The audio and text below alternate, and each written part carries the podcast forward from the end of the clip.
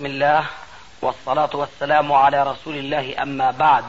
فهذا أحد أشريطة سلسلة الهدى والنور من الدروس العلمية والفتاوى الشرعية لشيخنا المحدث العلامة محمد ناصر الدين الألباني حفظه الله ونفع به الجميع. قام بتسجيلها والتأليف بينها محمد بن أحمد أبو ليلى الأثري. إخوة الإيمان والآن مع الشريط الخامس والستين بعد المئتين على واحد.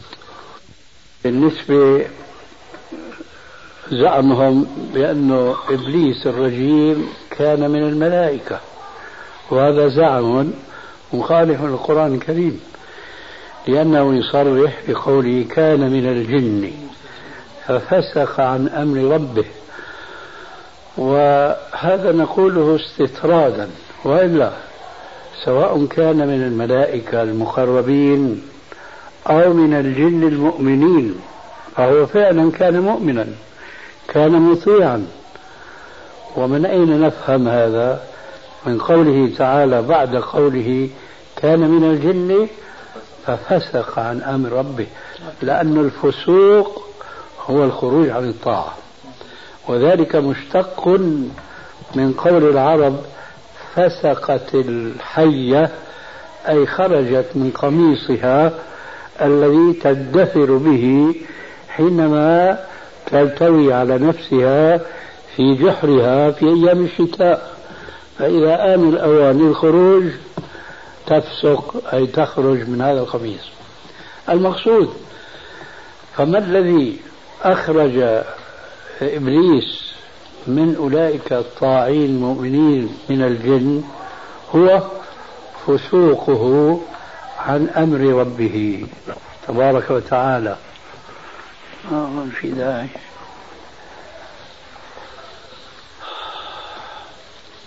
فالذي أردت بهذه الكلمة أنه نلفت نظر أخونا منير أنه هالخطأ منه كان بركته المحاضرة كلها. ولا نعتبرها ما يفهم إنها هي معصية. آه. لكن نحن نقول إنه رب معصية أورثت أورثت إيش؟ ذلا. لكن هذه ليست معصية إنما هو عادي. وجد الناس خاصة اللي بيظنوا حالهم أنه جماعة إسلامية ولهم تقاليد خاصة. قائمة على أذواقهم وليس على سنة نبيهم فهو رآهم يفعلون هكذا ففعل مثلهم. وليس هذا كالجماعة الأولى الذين ضربنا صفحا عن الحديث عنهم لأنه فسوقهم وخروجهم عن الدين واضح جدا. ولذلك فنقول أنه الخطأ الصغير هذا نتج منه خير كبير والحمد لله. نعم أبو عدنان. عندما أوردت الحديث اللي تذكر فيه عدد الفرق اللي بتكون من المسلمين اللي هي 73 فرقة كلهم في النار إلا واحدة النارية. وذكرت أنت ما هي هذه الفرقة طبعا حسب ما الرسول قال الرسول صلى الله عليه وسلم. تبادر لذهني وأنت بتشرح إنه أقول عدد لي الفرق الغير ناجية بعدين قلت أنا إذا مش بحاجة إلها لأنه أخذنا وصف الفرقة الناجية أوه. وهدولات يعني بيعرف يعني لازم يعرفوا من مخالفتهم إلى الفرقة أي نعم.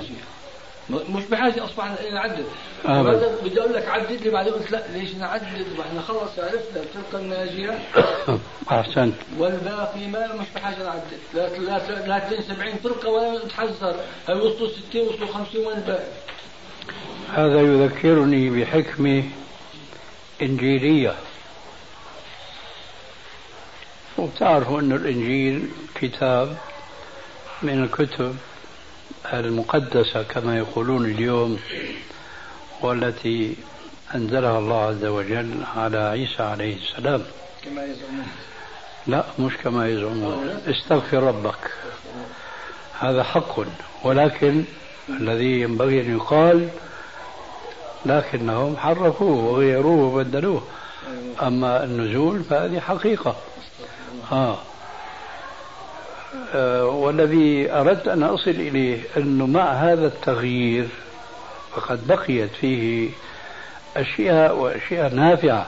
من ذلك أن عيسى عليه السلام وعظ يوما الحواريين كما هي عادته والإنجيل في الحقيقة على ما وصل إلينا أكثره مواعظ ونصائح. فمن هذه النصائح أنه حذرهم بعد أن أخبرهم بمجيء أنبياء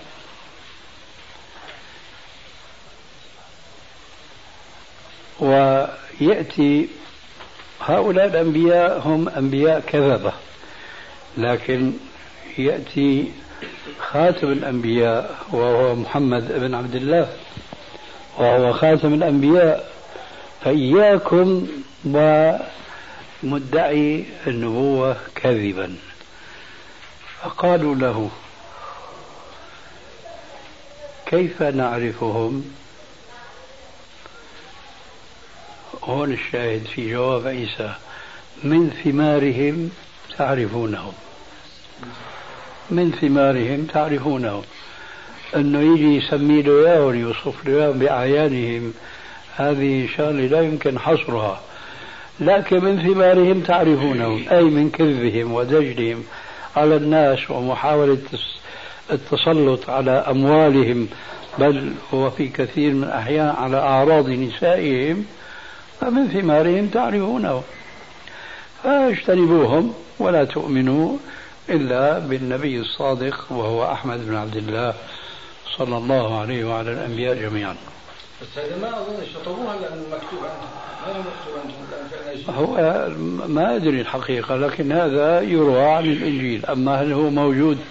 أنا كنت قرأت طبعا قديما التوراة والإنجيل لكن قرأته مرة واحدة الاطلاع ففي ذهني بعض الأشياء وأكثرها ذهبت مع الرياح.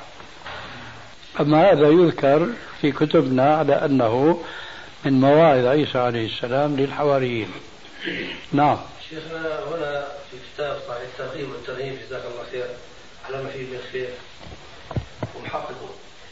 في الترغيب في قيام الليل في هذا الحديث من قرأ عشر آيات في ليلة كتب له قنطار من الأجر في لفظ آخر من قام بعشر آيات لم يكتب من الغافلين ومن قام بمئة آية كتب من المقنطرين من القانتين. ومن قام بألف آية كتب من المقنطرين. في حديث آخر بعد ما ذكر من حافظ على هؤلاء الصلوات المكتوبات لم يكن من الغافلين ومن قرأ في ليلة مئة آية لم يكتب من الغافلين. اللفظ الأول الصلوات بتقول؟ آه الصلوات. من حافظ على هذه الصلوات. الصلوات المكتوبات أي نعم. لم يكن من الغافلين. نعم. ومن قرأ في ليلة مئة آية لم يكتب من الغافلين. طيب أو كتب من القانتين. أي نعم. في حديث آخر من صلى في ليلة مئة آية لم يكتب من الغافلين ومن صلى في ليلة بمئتي آية كتب من القانتين المخلصين. أي نعم. هنا في بعض الحديث من قرأ ومن قام. فكلمة من قام يعني صلى صلى يعني قام في الليل وصلى وقرأ هذه الآيات. وصلى هذه قام فصلى وقرأ هذا العدد من الآيات. أي نعم. طيب شيخنا في لو قلنا الآن يعني على العدد هذا ما هو حافظ الإنسان؟ ما هو حافظ؟ الرقم هذا وقام وفتح المصحف وقرأ من المصحف. على قول بعض من قال بهذا. وهو في بيته يعني مش بين الناس ما عنده استطاعة للحفظ بهالعدد هذا. يقوم هو وزوجته ممكن؟ تقصد بقولك ممكن يعني يشرع ولا لا؟ أي نعم. هل يجوز يعني. ولا أظن إنك تقصد غير هيك يعني. أيوه. طبعا يشرع. يشرع على نصف ذلك يشرع بعشر آيات. مهما قرأ فله بكل حرف عشر حسنات. أي ما فيها إشكال يعني. لكن أنا ظننت أنك تريد تسأل أنه هل هو من القانتين هل هو كذا إلى آخره. بنقول هل اللي بيأخذ الأجر هذا بتمامه إنما هو إيه؟ الذي يقوم بهذه الآيات كما جاء في في النص يعني. أما إذا قرأ ولم يقم فله حظ من ذلك. أما الشرعية فواجدة بلا شك ولا إشكال. لكن له حظ من ذاك الأجر وليس تمام الأجر. أيوة. طيب شيخنا نحن بدنا نحظى بهذا الأجر اللي بهذا الرقم اللي هو 200 آية. أي نعم. وفتحنا المصحف وقرأنا منه. تفضل. إيه. نتحصل على هذا الأجر لأنه مرة ذكرت لنا أنت يعني يعني بالنسبة للقراءة من المصحف كلام كلام طويل عليه معليش إذا كان النص قرأ يحصل أما إذا كان النص قام فلا بد ما يصلي ويقرأ هذه الآيات حتى يكتب له ذلك الأجر.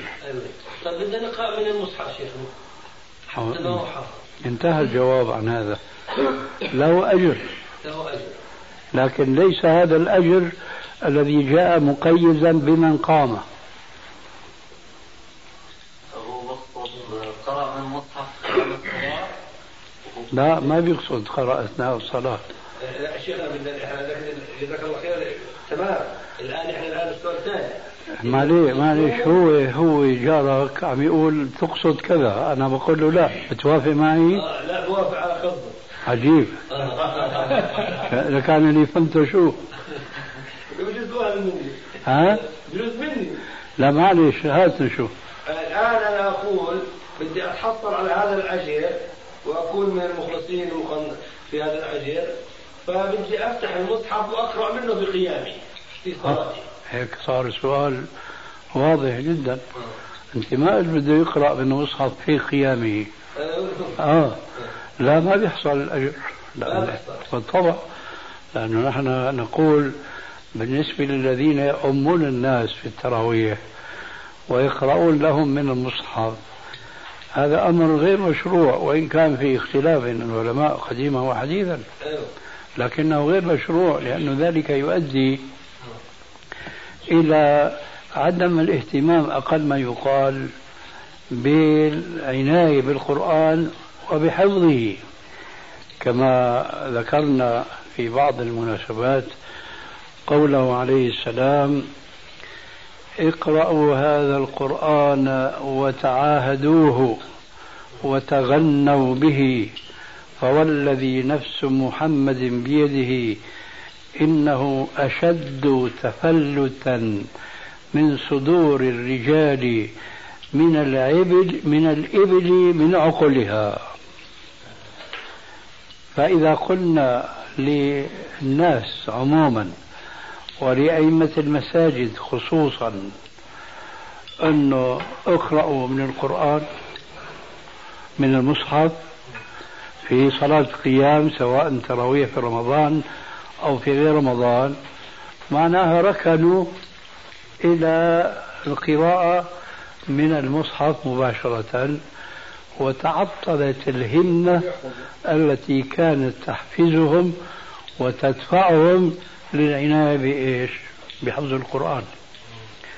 فلو كان هذا التفسير ماشي هنا حينئذ نحن نرجع عن رأينا السابق اللي بنقول أنه مكروه أن يقرأ الإمام من المصحف.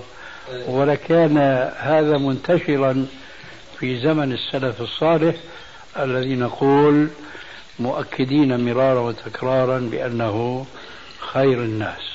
أكرر ما أنا حافظ عن ظهر أيوة. تكرر. حتى أحظى بالمئة آية. لا هذا أخو ذاك. والله. أيه لأنه هذا معناها ركنت أنت إلى التكرار. وما اعتنيت بالحفظ نحن نقول ما قلنا هو لدفع الناس إلى العناية بحفظ القرآن. لكن هذا أخيرا.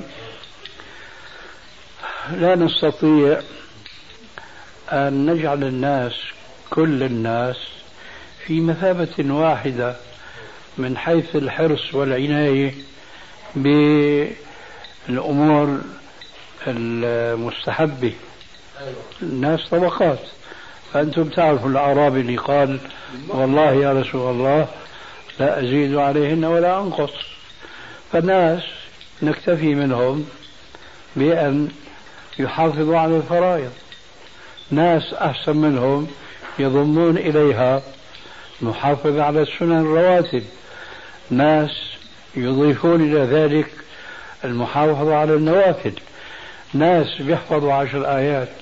ناس مئة آية ناس مئتين إلى آخره.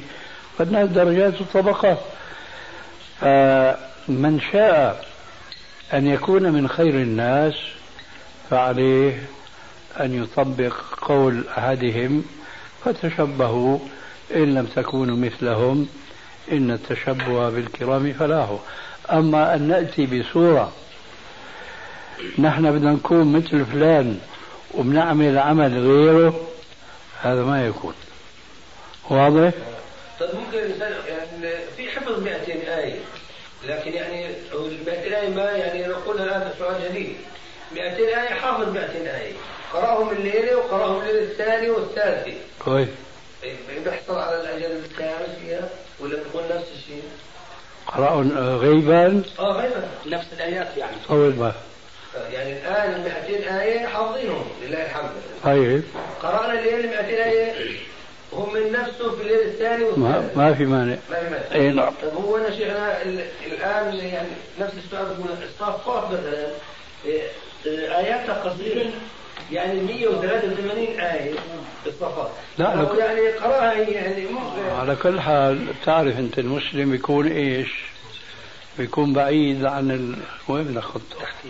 لا ماشي الحال آه المسلم بده يكون بعيد قرأ 200 آية ويجي يتقصد إنه يحفظ من ال 200 آية اللي بيساووا بالنسبة لآيات أخرى 100 آية. لأنه هذا بيكون إيش؟ عم يحتاج لكن إذا إجت بصورة طبيعية غير مقصودة أنه هو حافظ من القرآن هل 200 آية من هذه السورة التي آياتها قصيرة. وقرأها يصدق عليه الحديث. لكن الدافع له على أن يختار 200 آية هو أنه يحظى حتى ما يتعب حاله ومخه ولا يجهد نفسه للمحافظة على هذه الآيات ما ينساها. بيجي بيختار هذه الآيات القصيرة. يعني آه كما يقال في بعض الكلمات علو الهمة من الإيمان. فهو ما لازم ينزل نفسه إلى الحضيض ويقول أنا مشان أكسب فضيلة قراءة 200 آية راح أحفظ السورة لأنه آياتها قصيرة. ففي فرق بين إنسان حفظها ثم سمع هذا الحديث فعمل به وبين إنسان سمع هذا الحديث وراح تقصد قراءة حفظ ذيك الآيات القصيرة. أظن وضح المعنى في همة شيخنا الحفظ هذا القصير همة يعني همة بتختلف بلا شك في همة. آه. هذا شو هذا؟ جلي. لما يذكر في الحديث إنه 200 آية. بكون على سبيل التحديد والحصر 200 يعني 200 مثلا في حديث للرسول اللهم صل عليه إنه بقول لك إني أستغفر الله في اليوم 70 مرة مثلا. هاي زي هاي يعني مثلا هي تحديد. لأني كأني مرة سمعت إنه 70 مرة هي مش تحديد ولا حصر.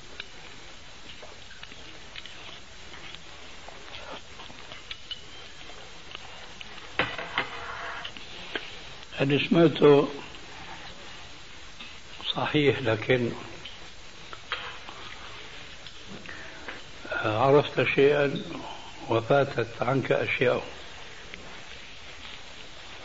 في اللغة العربية إذا قال إنسان عندي سبعين دينار سبعين شجرة وكانوا تسعة وستين بيكون كذاب. إذا كانوا واحد وسبعين خمسة وسبعين مية ألف بيكون صادق. أي العلماء يقولون العدد لا مفهوم له.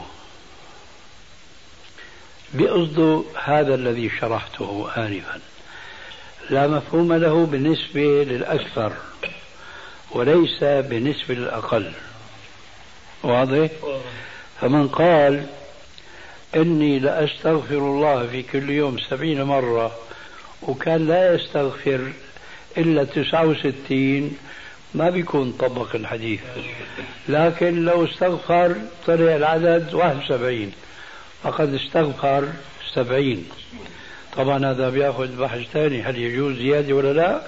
ونقول إذا كان المقصود من الحديث التحديد فالزائد اخو الناقص آه.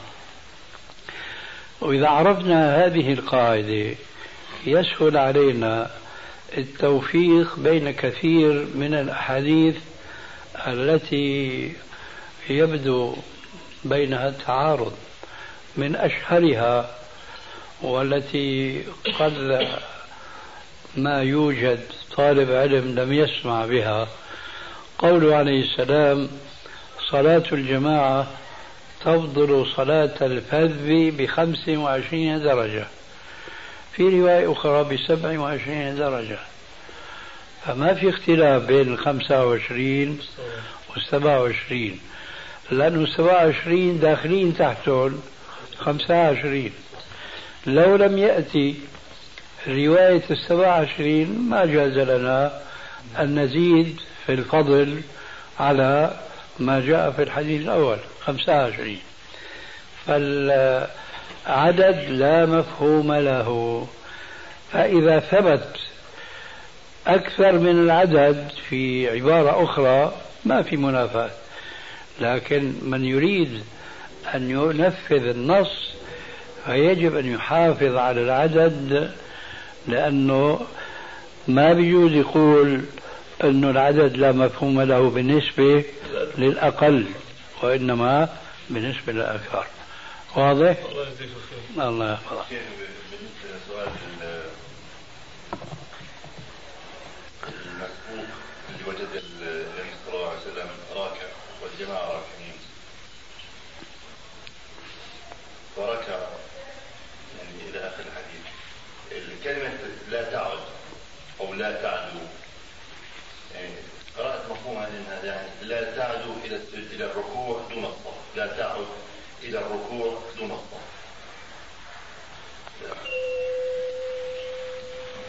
فهذا المفهوم يعني لا تعد إلى الركوع دون الصف يعني ما تجينا مرة ثانية انك تركع بالركوع هذا مفهوم. كيف كيف؟ يعني لا تعد إلى الركوع دون الصف. دون الصف مرة أخرى. آه. بنافي المفهوم تبع إنه الجواز انه واحد يركع دون الصف أي نعم. ف يعني الفيصل بين كيف التوفيق؟ التوفيق بين المفهومين. طبعا أنا هو الحديث ما له شرح يعني الحديث النص تبعه يحتمل انه يكون يعني هذا ويحتمل هذا. وهذاك. طبعا يحتمل المفهومين. ثاني يحتمل مفهومين لا لا هو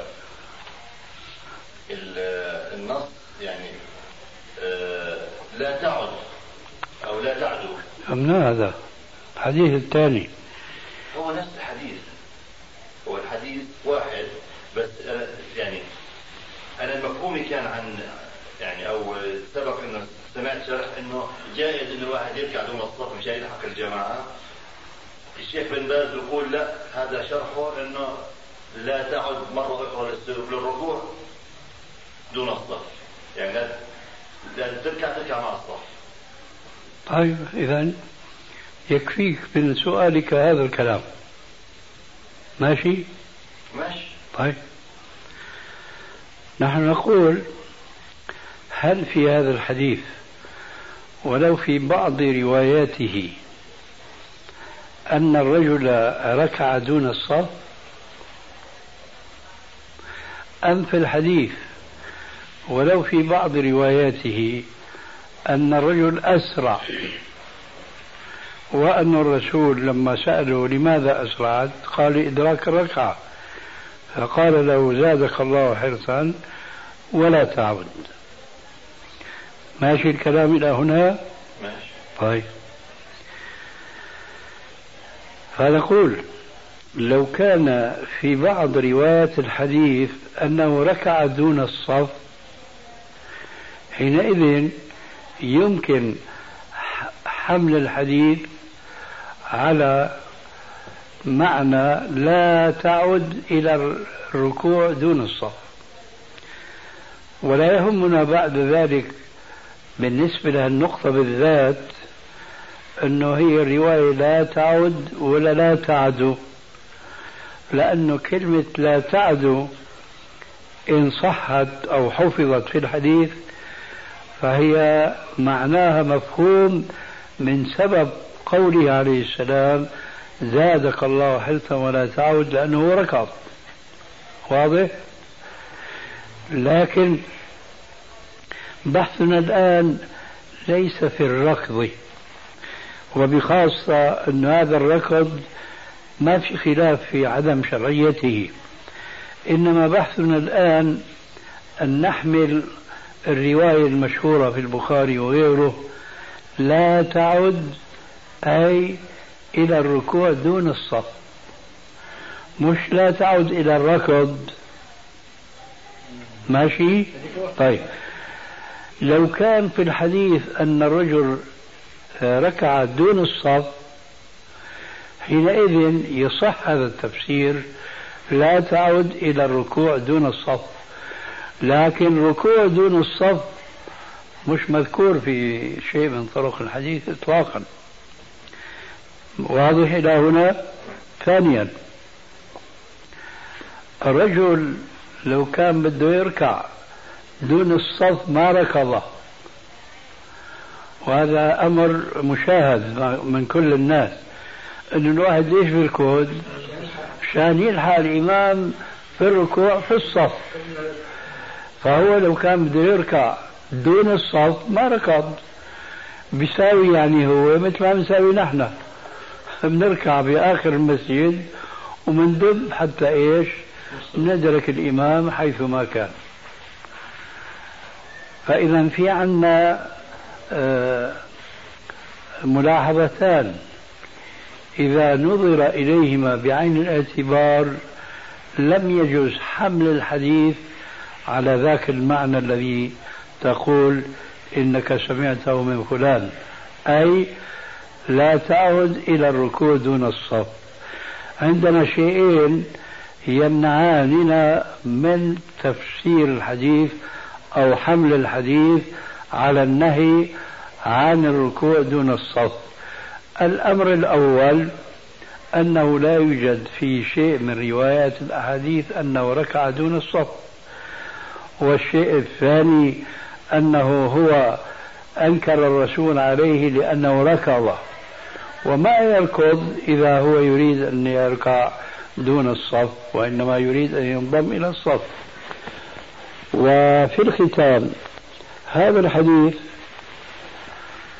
تأكيد للأدب الذي تحدث به الرسول عليه السلام في الحديث المعروف من حديث أبي هريرة قال قال رسول الله صلى الله عليه وآله وسلم إذا أتيتم الصلاة فأتوها وعليكم السكينة والوقار ولا تأتوها وأنتم تسعون. فما أدركتم فصلوا وما فاتكم فأتموا. هذا الحديث تأكيد لحديثك وهو من حديث أبي بكر الثقفي حينما دخل المسجد ووجد الرسول عليه السلام راكعا فأسرع وسمع الرسول عليه السلام صوت قدميه وهو يسرع فلما صلى سأل قال له أنا يا رسول الله. وذكر أنه أراد أن يدرك الرسول وهو راكع. قال زادك الله حرصا ولا تعود. بهذا ينتهي الجواب عن تفسير الحديث بذاك التفسير.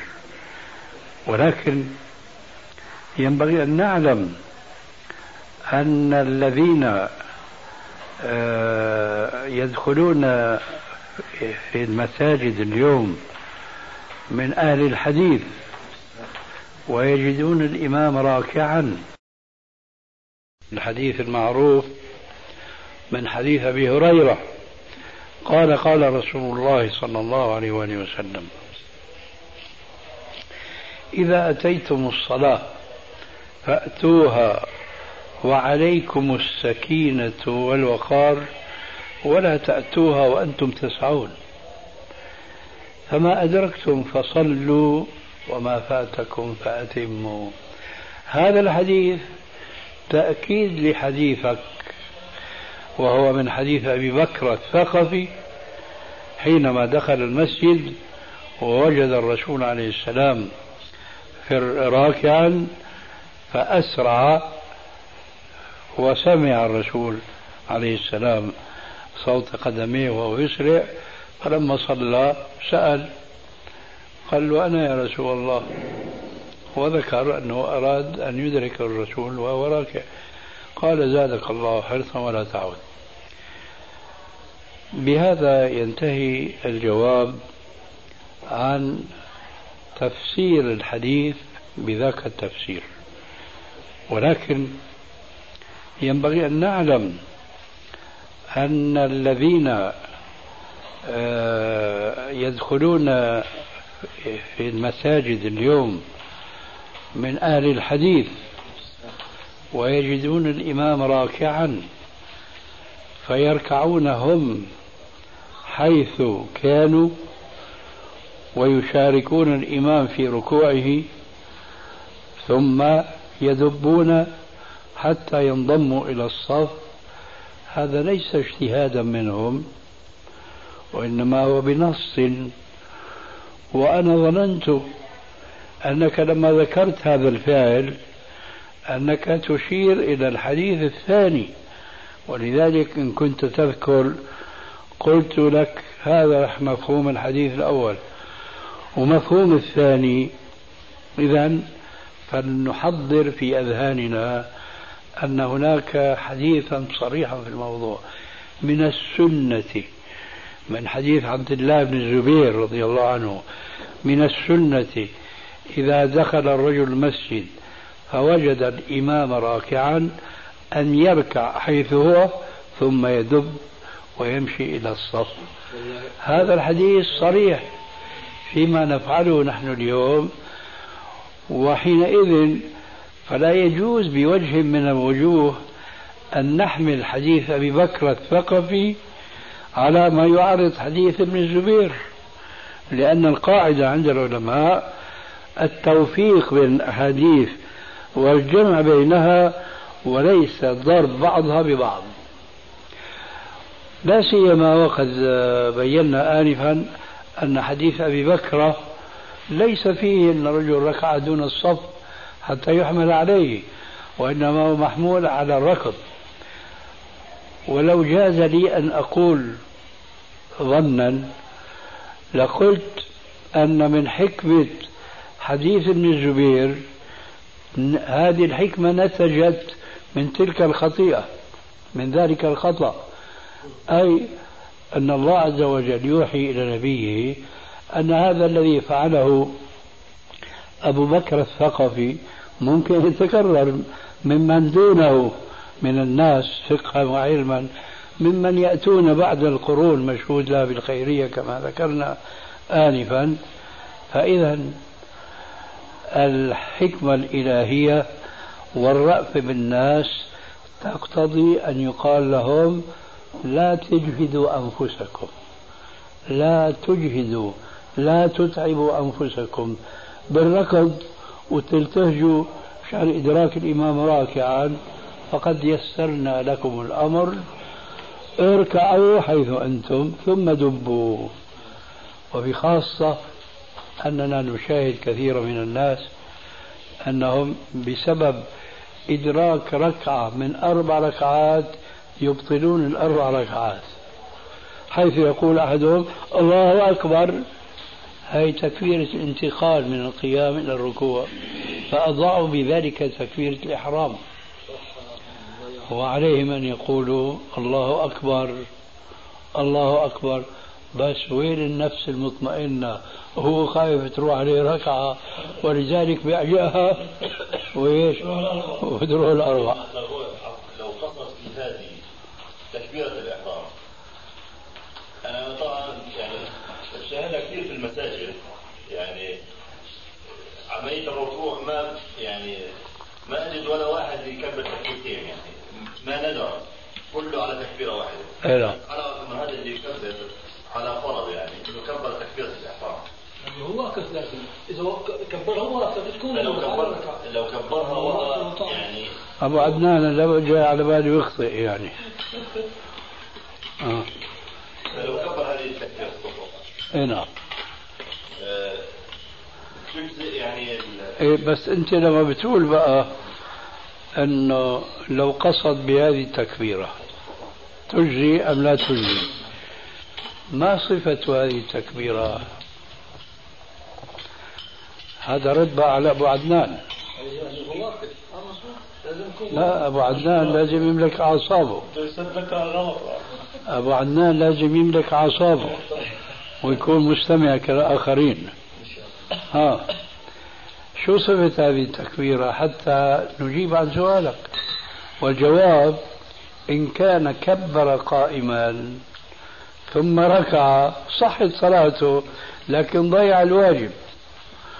وإن كان كبر كما قلنا آنفا وهو يركع قد أتى بالواجب وضيع الركن فضيع الصلاة كلها. وهذا هو واقع الناس اليوم. ولذلك أبو منير هنا لا يكفي أن نقول إذا كان قصده لأنه إذا كان القصد بنية طيبة لكن عمل فاسد. ما يشفع القصد الحسن العمل الفاسد. واضح أظن. هنا نعم.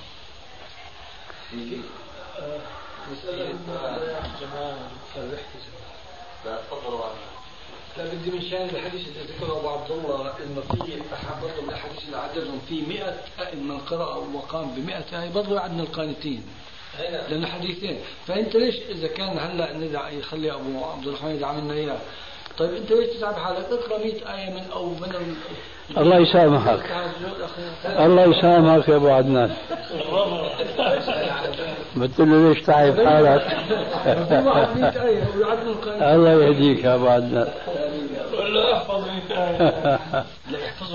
شلون يتعب حاله؟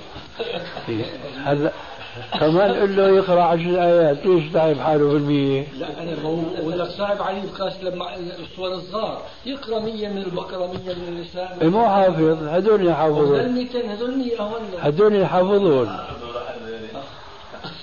هنا طيب ليش انت تشددت على 200 ما قلتش على 100 إيه يا أبو عبد الله؟ أنا مش عن أنا مش 200 بدي أنا بدي الألف يا عم أبو. أنا عم بحكي بصرف الألف ولا 100 ولا 200 مقدور عليهم. كويس الألف اللي إحنا بصرفها الحمد لله رب العالمين. طيب مين افضل خلينا نكمل بالله السؤال نفسه.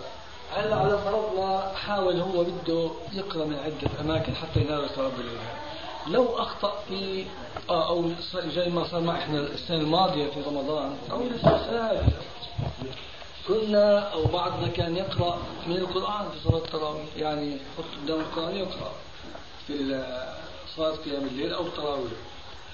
فمين أفضل؟ هذه القراءة أو إنه لو قرأ وأخطأ في من آية ورد مثلا أو حتى فشك عن آية آيتين وكمل. مين أفضل القراءة؟ أظن سبق الجواب. إذا عرفنا أن القراءة من القرآن من المصحف مكروه فلا شك أنه اللي بيقرأ من حافظته ولو أخطأ هذا أفضل. لأن الرسول اللي هو أنزل عليه القرآن وهو أحفظ الناس القرآن في بعض الصلوات أخطأ. بعدين بعد ما صلى قال أليس فيكم أبي؟ قال نعم يا رسول الله.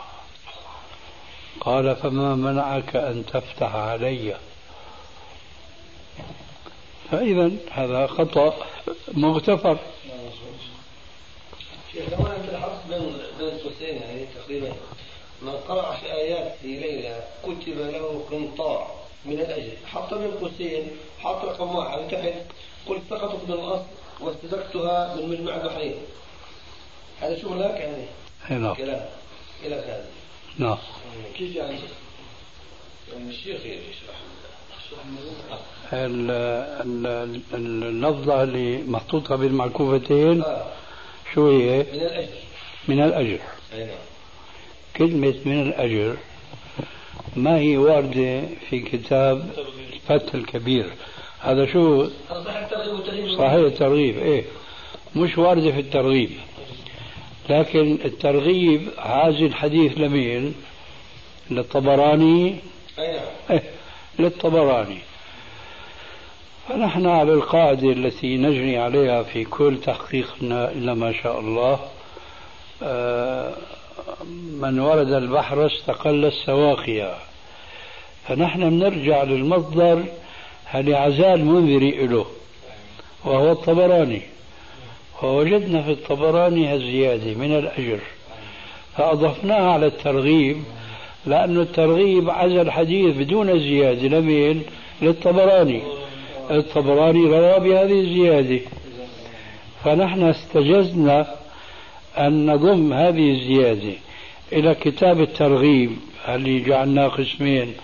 صحيح الترغيب وضعيف الترغيب ولكن لكي يكون القارئ على بينة وعلى بصيرة فلربما رجع للترغيب وما وجد هذه الزيادة. فبيقول الزيادة الشيخ منين محوشها؟ جايبها من بيت أبوه. لا نحن رأسا بنحط تعليق بعد ما حطينا الزيادة بين معكوفتين مصطلح عليهما في العصر الحاضر وفي الحاشية هناك في التعليق بنقول أن هذه الزيادة سقطت من الأصل أي من الترغيب واستدركناها من الطبراني. هنا معنى شيخنا نفس الحديث. جزاك الله خير. كنت مرة قلت يعني بحديث إقرأ وارتقي وارقى إنه هذا بدل على الحفظ غيب نعم. جايبه في نفس هذا الحديث هذا هذه اللقطة. نبدأ الحديث من الأول حتى لأنه في كمان شوية بنسأل عنها كويس. من قرأ عشر آيات في ليلة كتب له قنطار من الأجر. والقنطار خير من الدنيا وما فيها. الله فإذا كان يوم القيامة يقول ربك عز وجل اقرأ وارقى بكل آية درجة حتى ينتهي إلى آخر آية معه. يقول الله عز وجل للعبد اقبض. بدنا نعرف معنى هنا. اقبض. فيقول العبد بيده يا رب أنت أعلم. يقول بهذه الخلد وبهذه النعيم. شو معنى الأخير هذا؟ اقبض يعني نل الدرجات التي تستحقها بسبب قراءتك للآيات. أيوة. وهذول عشرة مش حال الألف إيه معلوم. طيب أنا علمت لما قال لك الشيخ كنت أقرأ مني. هو في ألف وفي مية وفي 200 يقول لك في عشرة. يقول لا جزاك الله خير. أنا بعرف إذا يسمح لي أبو عبد الرحمن أفتكر المية تقرأ من عدة أماكن ما تتغلب 200 في محلين بس. مية مية توزعهم كل مصحف من هون مية من هون مية من هون مية. وبعد إذا خلصت بصير تحفظ 200 200 معليش رأي مبارك. بس بقى يسأل هل يستطيع الإنسان الذي يقرأ من هون ومن هون ومن هون يحصيها مية؟ جمعناها شيخ جمعناها قبل ما بدينا في الصلاة. إيه. آه. فممكن. إيه لكن هي صار بده حفظ من نوعية ثانية. يعني بدك تحفظ من السورة عشرة ومن السورة هي خمسة ومن السورة عشرين. والله هي صار بدها بقى حافظة خاصة. فأحسن من الحافظة هي. احفظ من نفس المصحف ما تيسر. يقولون انه قال الحافظ من سورة تبارك إلى آخر القرآن ألف آية ألف آية هل تعود ألف آية؟ كيف؟ سورة التكاثر آه شو بها؟ آية. سورة التكاثر ألف آية؟ ولا تعدل يعني تسأل أنه هناك حديث بهذا؟ لا. هو الحفظ يا أبو عدنان الحقيقة يحتاج إلى إلى توفر أسباب للإنسان.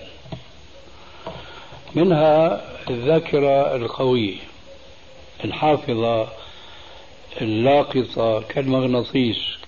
بعض الناس ربنا عز وجل منعم عليهم بحافظة تشبه المغناطيس. والمثال كنت ذكرت لكم إياه. في أول الإسلام فرضت الصلاة صلوات الخمس لكن لم تشرع مع الصلوات الخمس صلاة الجماعة.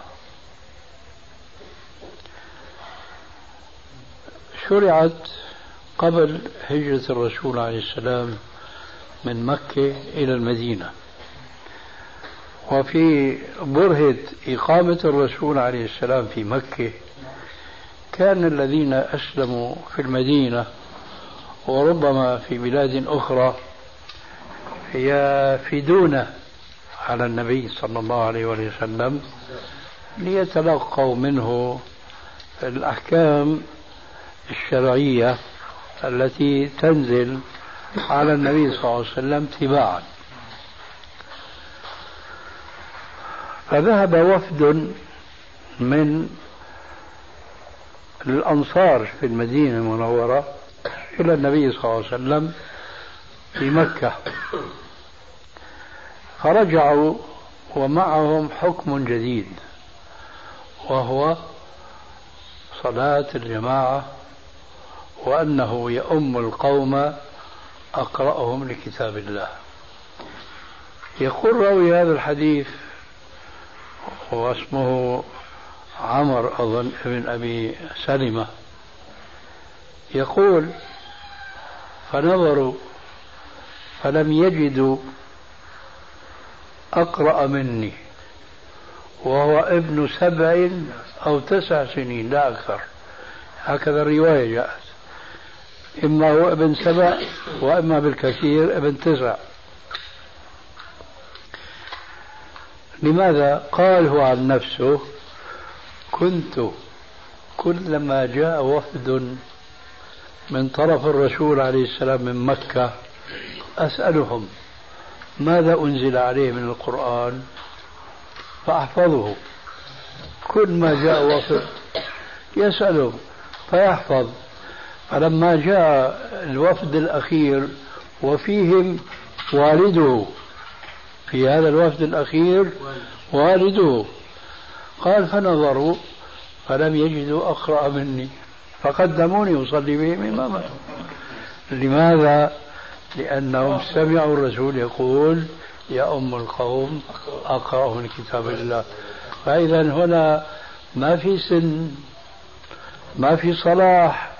تقوى كذا كما يشترط البعض.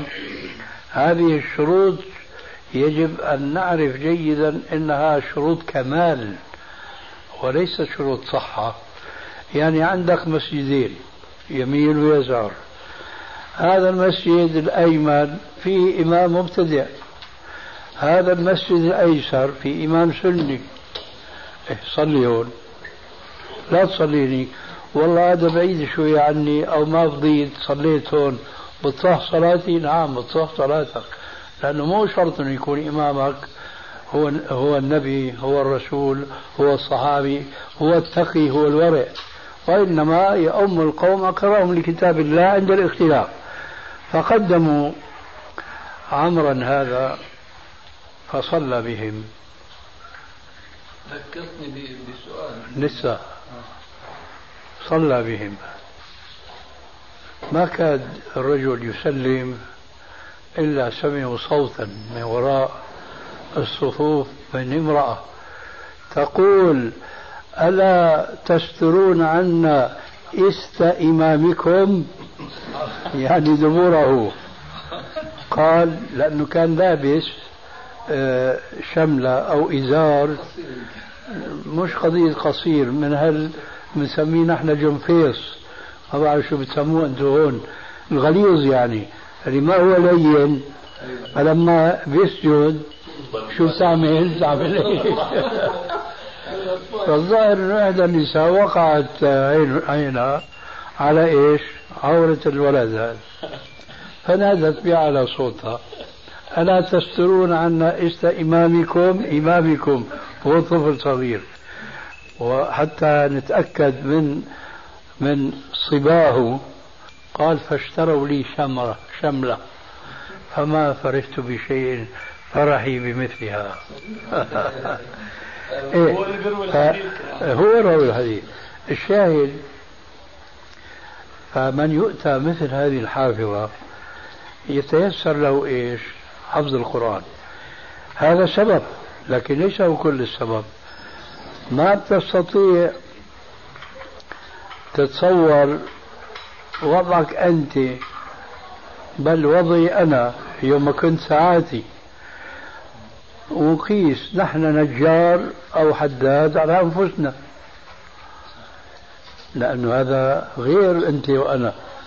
أنا مثلا يومئذ كنت أنا ورا الطاولة في الدكان حط المصحف هاتوا الدم مني وأحفظ بقدر ما أستطيع مع أني لم أوتى حافظة يعني تذكر. فكنت أحفظ ما شاء الله لكن كل ما تعمقت بقى في العلم وفي الحديث ما بقي عندي إلا الشيء القليل من الحفظ الذي كنت حفظته. أعني بهذا الكلام كله أن حفظ القرآن يحتاج إذا إلى شيئين أساسيين. الشيء الأول الحافظة القوية الشيء الثاني الفراغ. الفراغ الذي يمكن الإنسان من أن يحفظ. كما ضرب مثال أبو عدنان الله يجزيه الخير بنفسه ومثال بسيط من طرفي أنا وما استمررت على ذلك مع الأسف. آه لذلك ما نستطيع أن نقول لكل إنسان يحفظ لك 200 آية. هذا ليس من يموسر إلا للقليل وهنيئا لحفظة كلام الله عز وجل ولكن بشرط أن يكون القصد من وراء ذلك هو ابتغاء وجه الله. وإلا ذهبت ذهبت أتعابهم هباء منثورا. آه شو عندك أنت حامل ورقة سؤال واحد ولا أكثر؟ في أسئلة وردت من النساء. آه. بيسألوا عن معاني ألفاظ في بعض الأحاديث. آه. الحديث الأول هاي الأحاديث وردت في كتابة آه، حجاب المرأة المسلمة. إيه نعم. سمعت أحمد سئل عن الرجل يلبس جاريته الفرطة. قال لا. لا يلبسها من زي الرجال لا يشبهها بالرجال. فمعنى كلمة الفرطة أو هذا النوع من إيه الجواب اسمعوه وعوه. وهيك بلغوا آه ما المسؤول عنها بعالم النساء.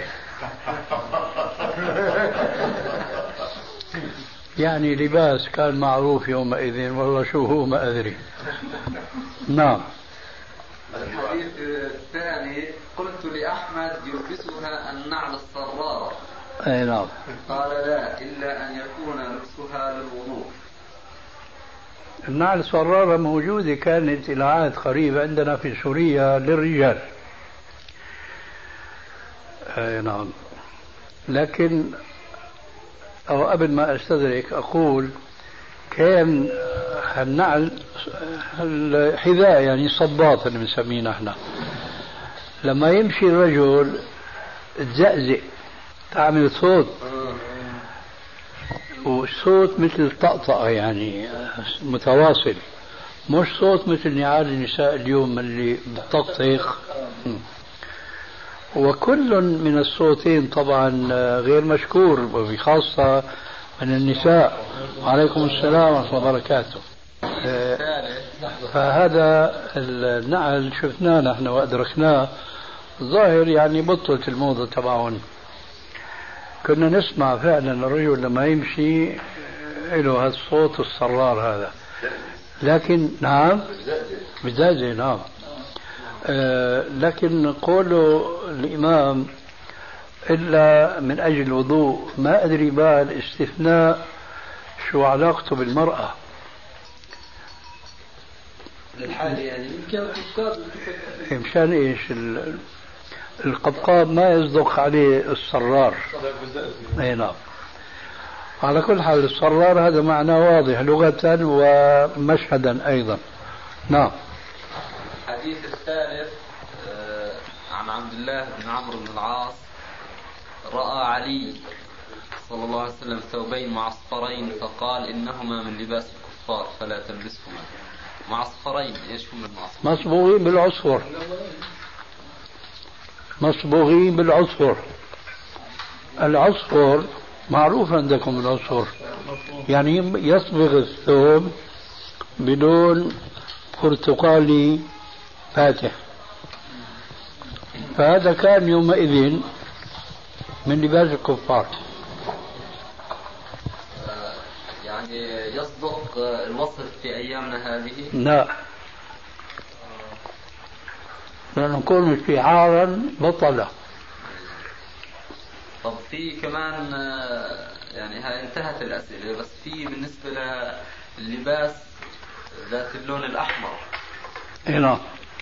ورد في نهي فإذا بتشرح لنا يعني بالنسبة لهذا اللون.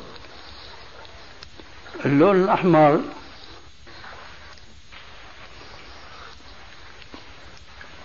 ما ورد في النهي عن اللباس الأحمر ليس هناك حديث صحيح. والحديث اللي بيقول أن الحمرة آه، زينة الشيطان هو من أحاديث الجامع الصغير الضعيفة. كل شيء صح في الموضوع المتعلق باللون المزعفر والمعصفر. فهذا اللون إما أن يكون كالمعصفر من زينة النساء فلا يجوز للرجال أو المزعفر من لباس الكفار ولا يجوز. العلة هو التشبه. إما بالكفار وإما بالنساء. لكن التشبه حكم شرعي معقول المعنى وليس تعبديا. شو معنى معقول المعنى؟ يعني إذا رؤي إنسان آه، يلبس لباس النساء مثلا اليوم يقال هذا متشبه بالنساء فهذا مخنث. وعلى العكس من ذلك إذا شفنا امرأة تتشبه بالرجل إما في مشيتها بخترة يعني أو في لباسها الجاكيت مثلا بنطلون ونحو ذلك فيقال إنها متشبهة بالرجال. فكل من هذا التشبه وذاك منهي عنه. لكن إذا ارتبط التشبه بنوع من الثياب. ومع الزمن صارت هذه الثياب لا تدل على أنها لباس الكفار من جهة أو أنها من لباس النساء من جهة أخرى. فالنهي حين ذاك لا ينفذ لأنه يكون معللا بعلة والحكم يدور مع العلة وجودا وعدما.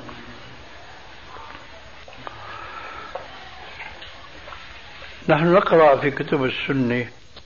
إخوة الإيمان تتمة الكلام في الشريط التالي. فيجب عليها أن تلبس الخمار والقميص. وما أدري إيش في ثوب ثالث.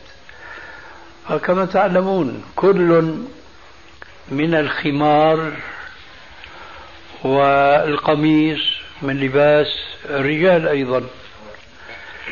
فليس في تخمر المرأة بالخمار ما يجعلها تتشبه بالرجال أو في تقمصها بالقميص أيضا.